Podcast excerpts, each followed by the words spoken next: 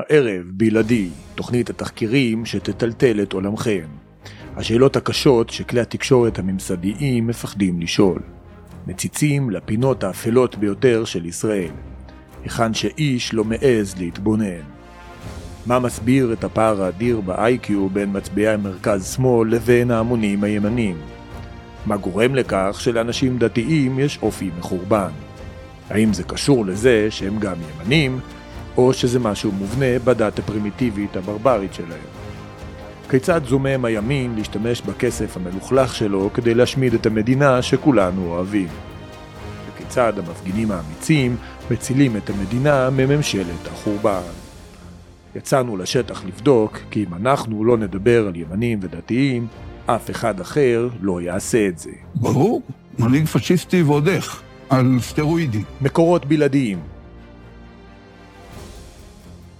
חשיפות מטלטלות אנשים מבפנים מדברים לראשונה ושוברים שתיקה. מופיע בכל רשתות הטלוויזיה בעולם. זה זיקוק של ההסתה. זה לא סתם טרלול, זה לא סתם פילוג. רק אדם אחד אמיץ להיות כמו כולם. רק אדם אחד נועז דיו להגיד מה שכולם אומרים. רק עיתונאי אחד נחוש לקבל כסף ציבורי. לאן בדיוק הולך הכסף? ומי זה שתמיד משלם את המחיר? זה אתם. הדוח של כלומניק, הערב בארנק שלכם. ועכשיו במבצע, רק 599 אלף שקלים לפרק. מוגש באדיבות רשות המיסים. פרטים באתר אני עקיבא ביגמן ואתם מאזינים לפודקאסט אידיוטים שימושיים.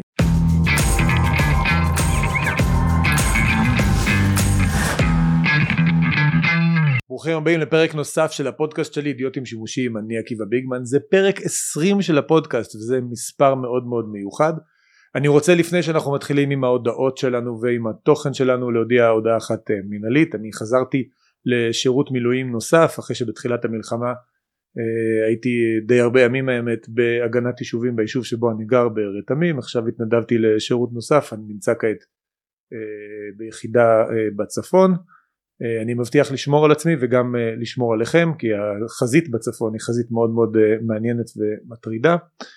זה הודעה לגבי זה. אני ממשיך לעבוד גם באתר וגם בפודקאסט ככל שהזמן למעשה מאפשר לנו. מה שיש לנו השבוע אני אעלה במהלך השבוע את החלק הראשון של הראיון שערכתי עם פרופסור משה שרון. זה היה חשוף עד עכשיו למנועי הפרימיום שלי אנשים שתומכים בי ותורמים אה, ובזכותם בעצם הערוץ הזה אה, מתקיים. אנחנו עכשיו נתחיל אה, בעצם להעלות את הפרקים האלו גם לציבור הרחב. אני רוצה לנצל את ההזדמנות להודות לכל המנויים והתומכים שבזכותם הדבר הזה מתאפשר ואני יכול לעשות רעיונות כמו הרעיון הזה עם פרופסור שרון ודברים אחרים שאני מתכנן לעשות. זה לא היה קורה פשוט כך בלי התרומות והתמיכה שלכם. ואני רוצה לנצל את ההזדמנות גם להזמין את מי שעוד לא הצטרף למשפחת המנויים שלנו. אם אתם אוהבים את התוכן הזה ואתם אה, רוצים שגם אחרים ייחשפו אליו הדבר הכי חשוב זה להצטרף ולתמוך בנו על פי עיקרון חמשת המ"מים שאני אוהב להזכיר אותו מנוי מגיב משתף ממליץ מחבב.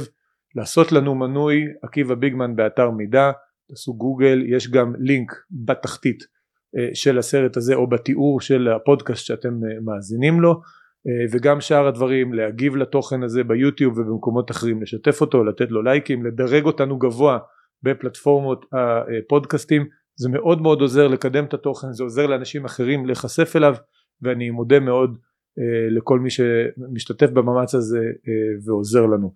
אז תודה רבה לכם אז מה יש לנו היום? היום אנחנו נעשה פרק קצת יותר קצר עם שני אייטמים על המלחמה. אנחנו נדבר גם על היום שאחרי וכל הרעיון הזה שחייבים לדבר על היום שאחרי כדי שנוכל אה, לנהל את המלחמה ונשאל את השאלה למה תמיד היום שאחרי איכשהו אה, ותוכניות מדיניות זה תמיד דברים של השמאל. כשהימין עושה תוכניות מדיניות זה פתאום אה, אסור וקטסטרופה. ואנחנו גם נדבר על הנושא של ההגנה בגבול הצפון וגם בעוטף עזה ויש לדעתי טעות קונספטואלית עמוקה מאוד בכל הנושא הזה של איך צה"ל ומדינת ישראל תופסת את ההגנה מיד מתחילים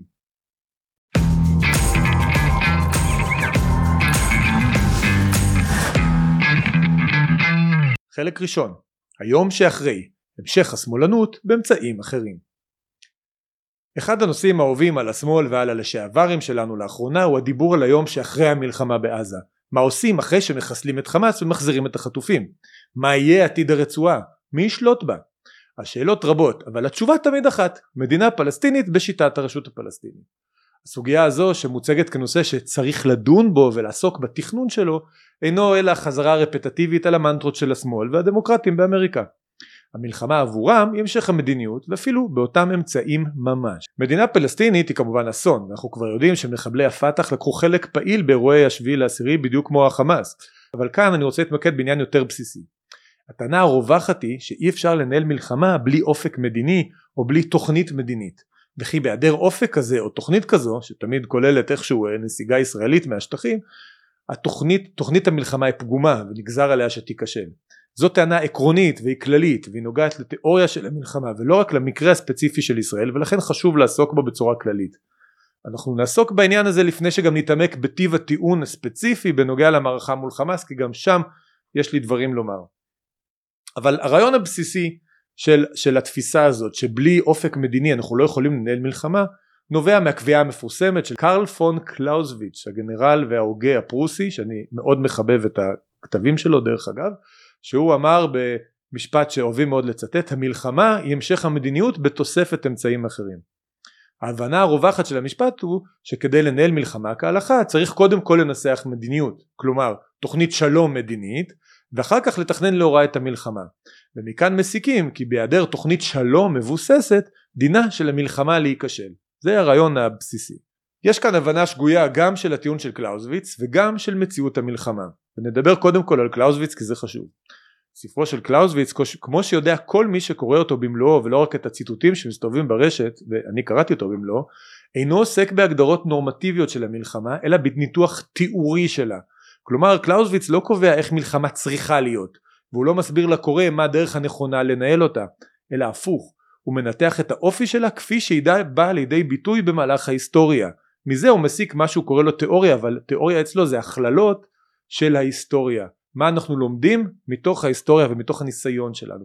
כך הוא כותב בעצמו בפסקאות בהן הוא מסביר את מטרת החיבור ואני מצטט מטרתנו אינה לספק עקרונות או שיטות חדשות לניהול המלחמה.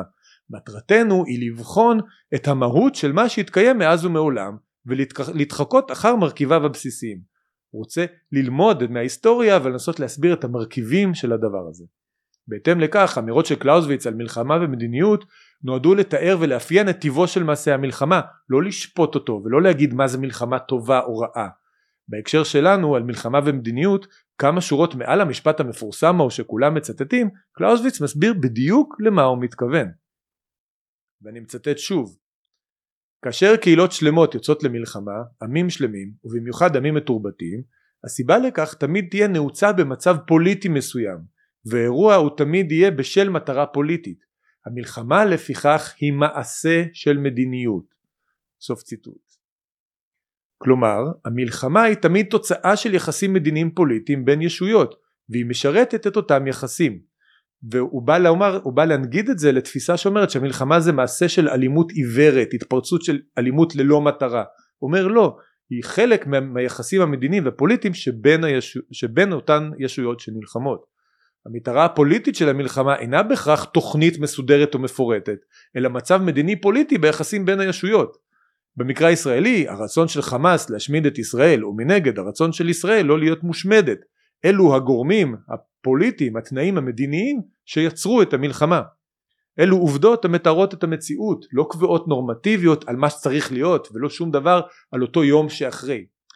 גם בהמשך כשמגיע אותו משפט מפורסם הדברים אצל קלאוזוויץ מאוד מאוד ברורים ואני מצטט שוב. אנו רואים אפוא כי המלחמה אינה רק מעשה של מדיניות אלא כלי פוליטי אמיתי המשך יחסי הגומלין הפוליטיים על ידי אמצעים אחרים. סוף ציטוט. מלחמה המשך של היחסים המדיניים פוליטיים באמצעות כוח צבאי זה הכל. אין כאן שום הנחיה לדרג המדיני לאמץ תוכניות שלום או הכרזה שבלי תוכנית כזו למלחמה אין סיכוי להצליח.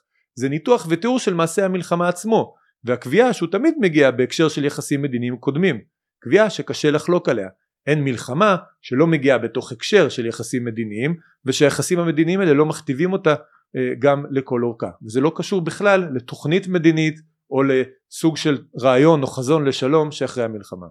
קלאוזוויץ לא אמר שום דבר דומה למה שטוענים אצלנו בשמאל ובצדק. מלחמה לא צריכה תוכניות ליום שאחרי כדי להצליח, אלו שני דברים שונים לגמרי. מלחמה צריכה מטרות צבאיות מוגדרות שהולמות את האמצעים שבידי המצביא. אם לצורך העניין הדרג המדיני הישראלי הצהיר שהמטרה היא להשמיד את חמאס, ובהינתן שהיו לנו אמצעים לבצע זאת, ניתן להגשים את המטרה הזו בלי קשר לשאלה מי ישלוט ברצועה ביום שאחרי. אם נשמיד את חמאס, זאת תהיה שאלה מצוינת לדון בה. וכאשר אין חמאס אחרי שהשמדנו אותו, אפשר לחשוב על המון אפשרויות. אפשר לחשוב על החזרת ההתנחלויות, אפשר, לחזור על החזרת, אפשר לחשוב על החזרת הרשות הפלסטינית, זה לא משנה. אבל בחירה במתווה זה או אחר לא תשפיע בשום צורה על ניהולה של המלחמה עצמה. בהנחה כמובן שהתוכנית המבצעית והאמצעים להגשמתה מצויים בידינו. קשה לחשוב על מלחמה שבה הייתה תוכנית ליום שאחרי שהכתיבה את ניהול המלחמה עצמה, זו המצאה טוטאלית של השמאל. המטרה המדינית של מלחמה נוגעת בדרך כלל למצב סיום פעולות האיבה במלחמה עצמה. למשל להביא לכניעה ללא תנאי כמו במלחמת האזרחים האמריקנית במלחמת העולם השנייה הם לא דנו בשאלה מה עושים ביום שאחרי וזה לא השפיע על ניצוח המלחמה או במטרה להביא לכניעה בתנאים חלקיים כמו מלחמת העולם הראשונה למשל או במטרה להביא להפסקת אש והשגת הכוחות כמו בכל מלחמות ישראל. הדיונים לגבי היום שאחרי מתרחשים בדרך כלל ובכן ביום שאחרי. גם במלחמת העולם השנייה שבעלות הברית באו לדון איך לחלק את אירופה אחרי המלחמה זה לא היה תנאי לניצחון במלחמה וזה נועד יותר להסדיר את היחסים ביניהם אחרי המלחמה כדי למנוע למשל מלחמה בין ארצות הברית לברית המועצות. אז הם החליטו מראש איפה, איפה יהיו תחומי ההשפעה שלהם ועד איזה קו כל אחד מהם יכבוש. גם אם הם לא היו עושים את הוועידה הזאת וגם אם הם לא היו מתאמים ביניהם הם היו מצליחים לנצח את הנאצים. אין לזה שום קשר למלחמה עצמה כמו שאני אומר.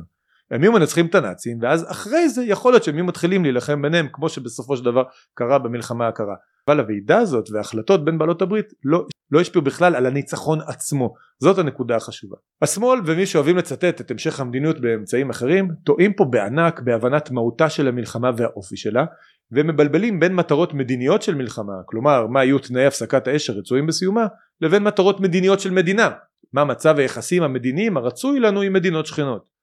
גם אם אתה שואף להקים מדינה פלסטינית ורוצה לתת לה את השלטון בעזה אין לזה קשר למטרות המלחמה עצמה שצריכות להיות למשל כניעה ללא תנאי של החמאס. מטרה של, מל...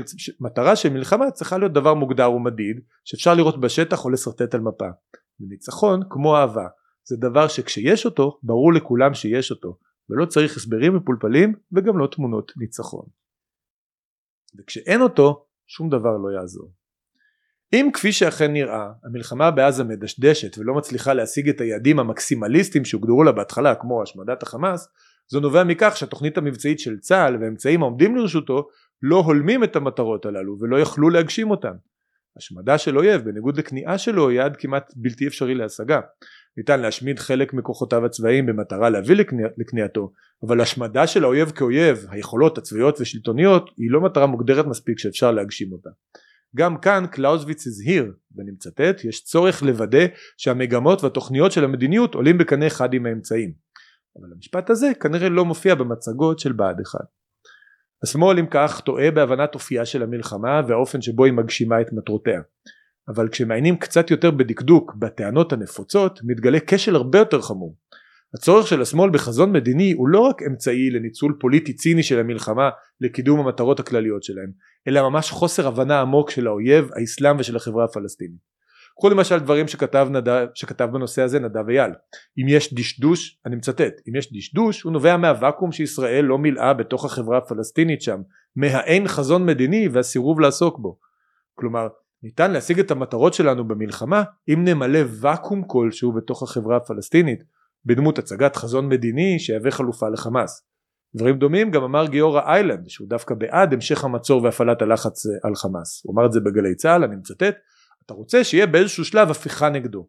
הפיכות בדרך כלל קורות מלמטה המון זוהם המון זועם מפיל את השלטון. יש כאן עוד קלף שחסר וזה הצד המדיני.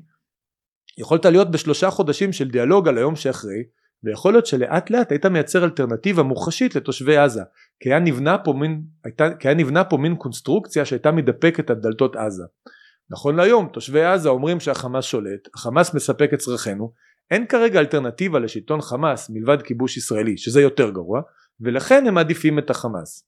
עד כאן ציטוט מאיילנד.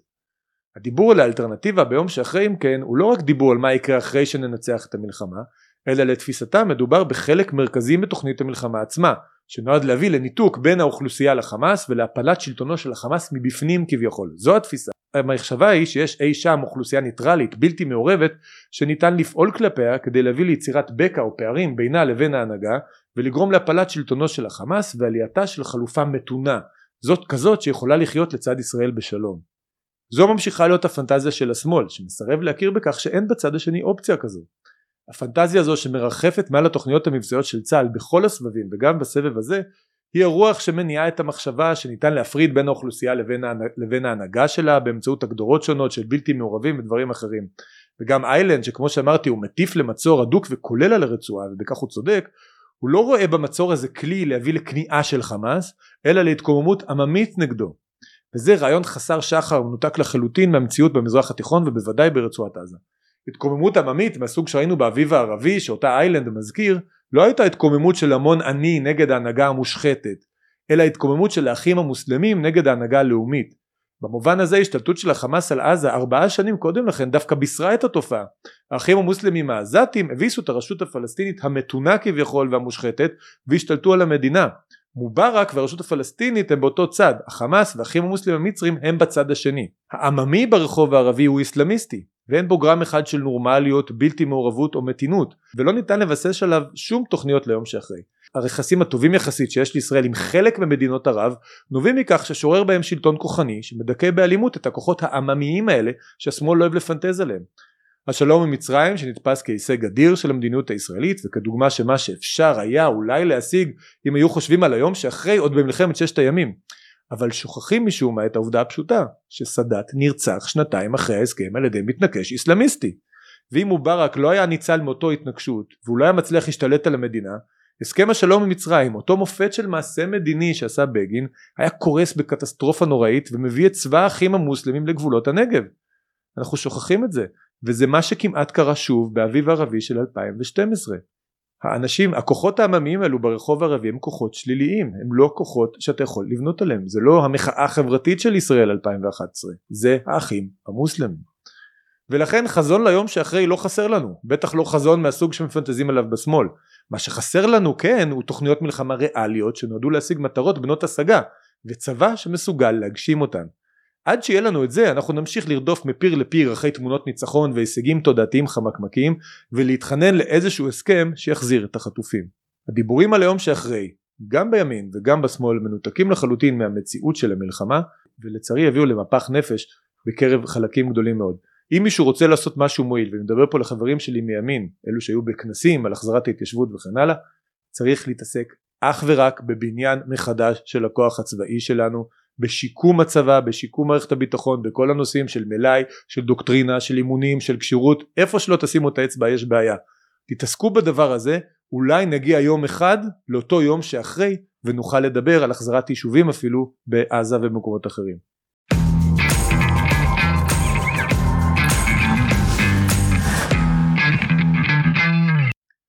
חלק שני, היישובים משלמים את מחדל המגננה. היישובים הריקים בעוטף עזה ובגבול הצפון הם סמל לתהליך ההשחתה העמוק שעבר על צה"ל, על הממסד הביטחוני שלנו ועל תפיסת ההגנה הלאומית. העובדה שאויב חלש יחסית המצויד באמצעים מוגבלים מצליח להשבית חבלי ארץ נרחבים ואסטרטגיים עם מחדל שאין כדוגמתו. ותוצאות המערכה, אחת הארוכות של אלי ישראל מאז ומעולם, רחוקות מלהשביע רצון. קשה לראות את התושבים חוזרים, וגם אלו שיחזרו, רבים מהם יעזבו בהזדמנות הראשונה. זה עצוב מאוד, אבל זה המצב.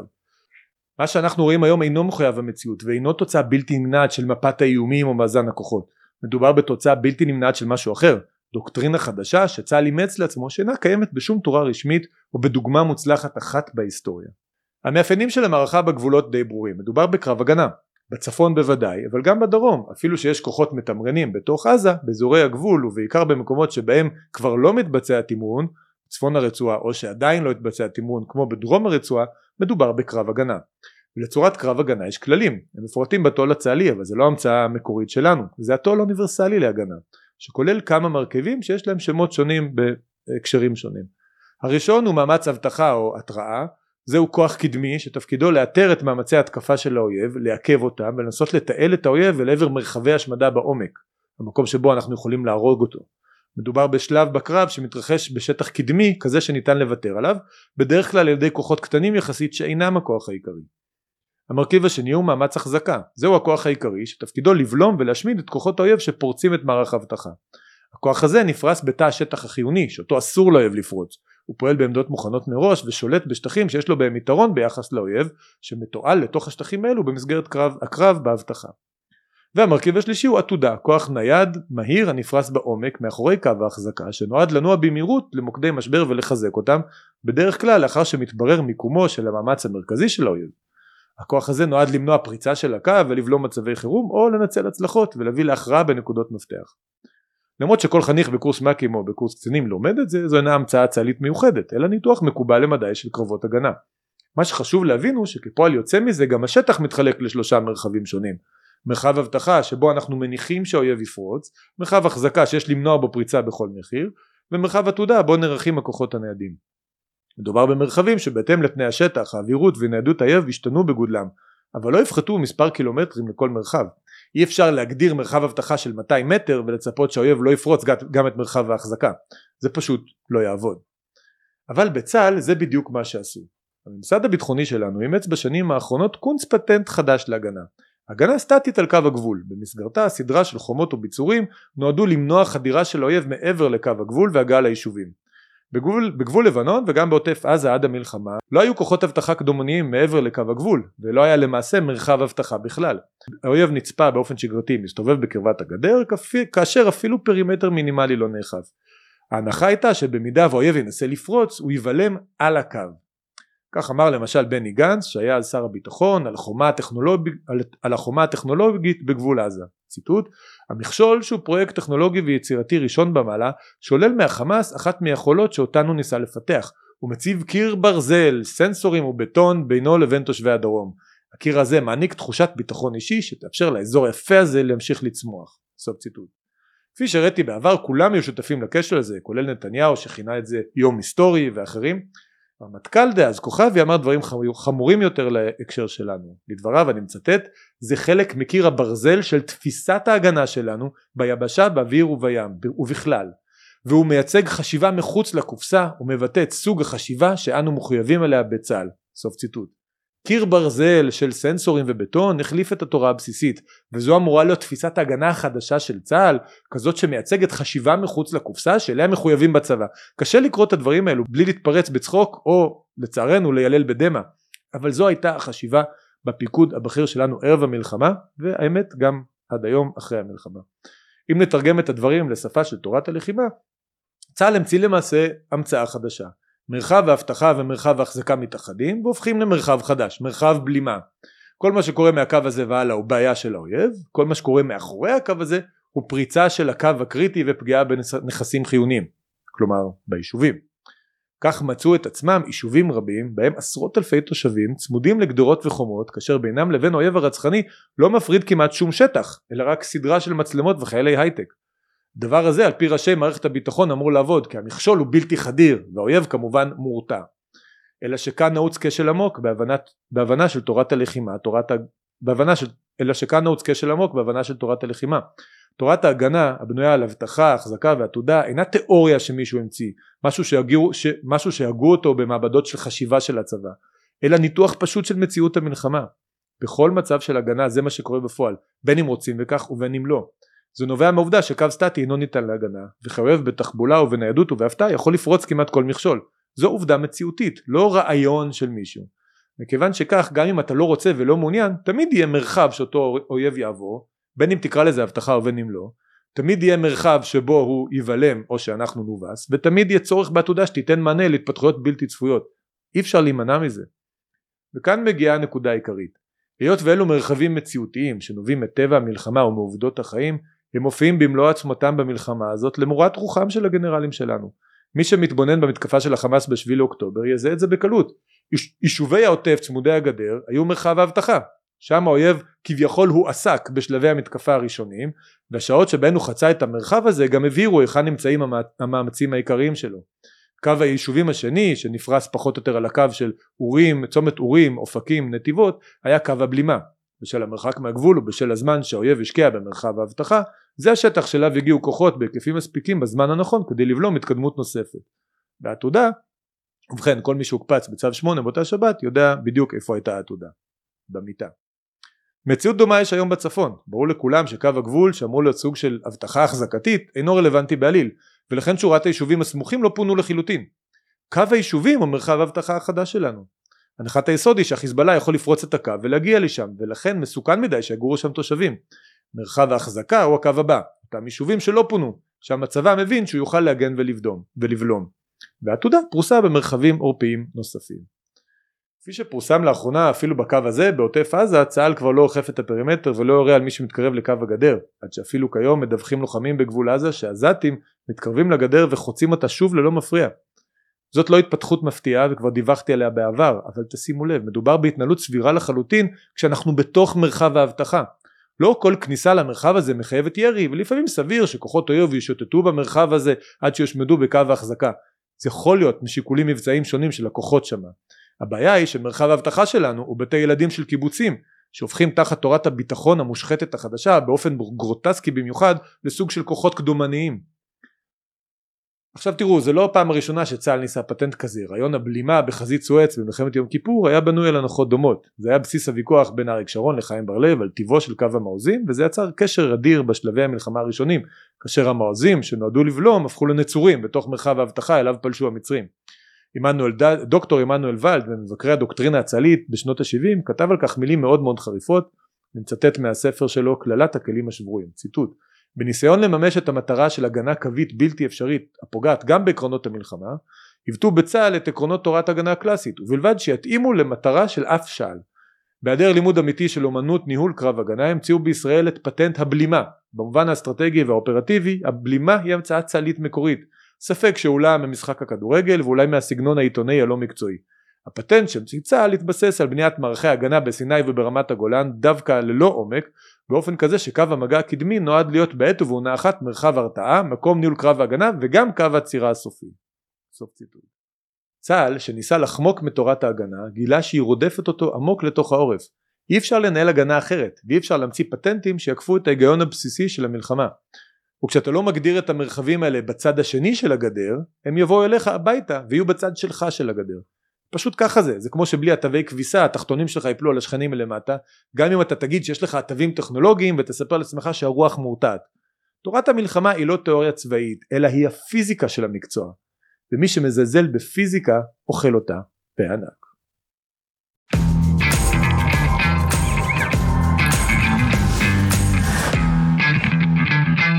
פרק נוסף של אידיוטים שימושים הגיע לסיומו. תצפו לראות בימים הקרובים ממש את החלק הראשון של הראיון שעשיתי עם פרופסור משה שרון.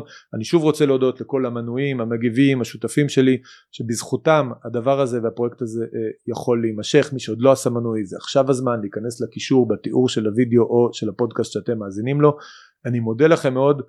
אני ממשיך במילואים שלי ואנחנו ניפגש שוב בפרק הבא.